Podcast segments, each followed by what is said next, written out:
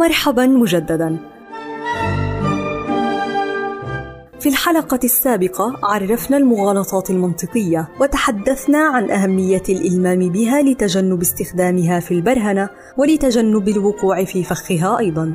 وسنبتدئ اليوم بأولى هذه المغالطات والتي تعرف بالمصادرة على المطلوب. المصادرة على المطلوب كما عرفها الدكتور عادل مصطفى هي التسليم بالمسألة المطلوب البرهنة عليها من أجل البرهنة عليها وذلك بأن تفترض صحة القضية التي تريد البرهنة عليها وتضعها بشكل صريح أو ضمني في إحدى مقدمات الاستدلال وبذلك تجعل النتيجة مقدمة وتجعل المشكلة حلا وتجعل الدعوى دليلا وهو ضرب من الاستدلال الدائري.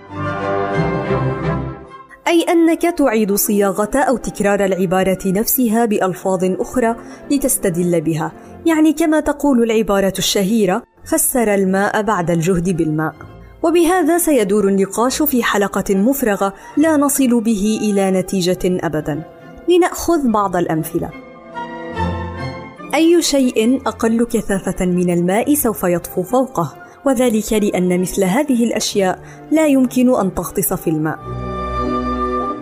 كان من المفترض أن أثبت لك أن ما هو أقل كثافة من الماء سيطفو فوقه، لا أن أفترض صحة العبارة وأستدل بها نفسها لأثبتها بألفاظ مختلفة. مثال آخر: التخاطر خرافة لا وجود لها، لأن الانتقال المباشر للأفكار بين الأشخاص هو أمر مستحيل. والمطلوب هنا أن أثبت لك أن التخاطر خرافة، ولكنني استدللت على العبارة بنفسها مفترضة صحتها مسبقا، فالانتقال المباشر للأفكار هو نفسه التخاطر.